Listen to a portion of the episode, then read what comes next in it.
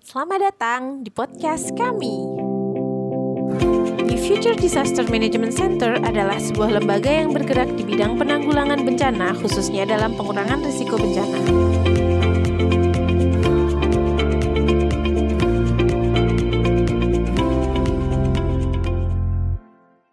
Ya, saat ini banyak masyarakat dan tempat kerja yang memasang disinfection chamber atau bilik disinfektan untuk mencegah penularan virus corona. Bilik disinfektan ini kurang efektif dilakukan karena beberapa hal. Pertama, disinfeksi hanya berlangsung kurang dari satu menit, padahal waktu kontak atau kontak time untuk mematikan virus sekitar 10 sampai 30 menit. Jadi disinfektan ini cocok untuk uh, disinfeksi permukaan benda, bukan manusia.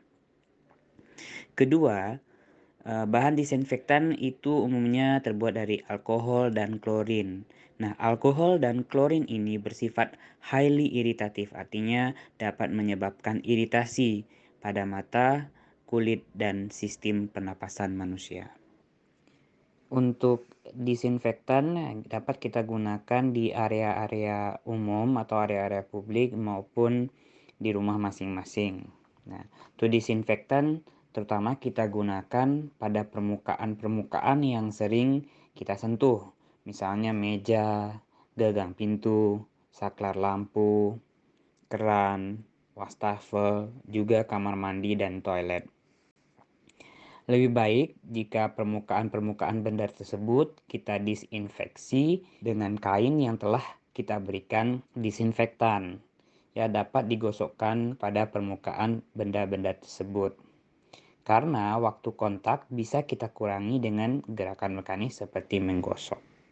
Bagi pekerja lapangan yang dapat dilakukan untuk mencegah penyebaran virus corona adalah yang pertama Rajin mencuci tangan dengan sabun atau hand sanitizer. Kedua, hindari untuk menyentuh mata, hidung, dan mulut. Ketiga, social distancing atau physical distancing dengan menjaga jarak minimal 1 meter.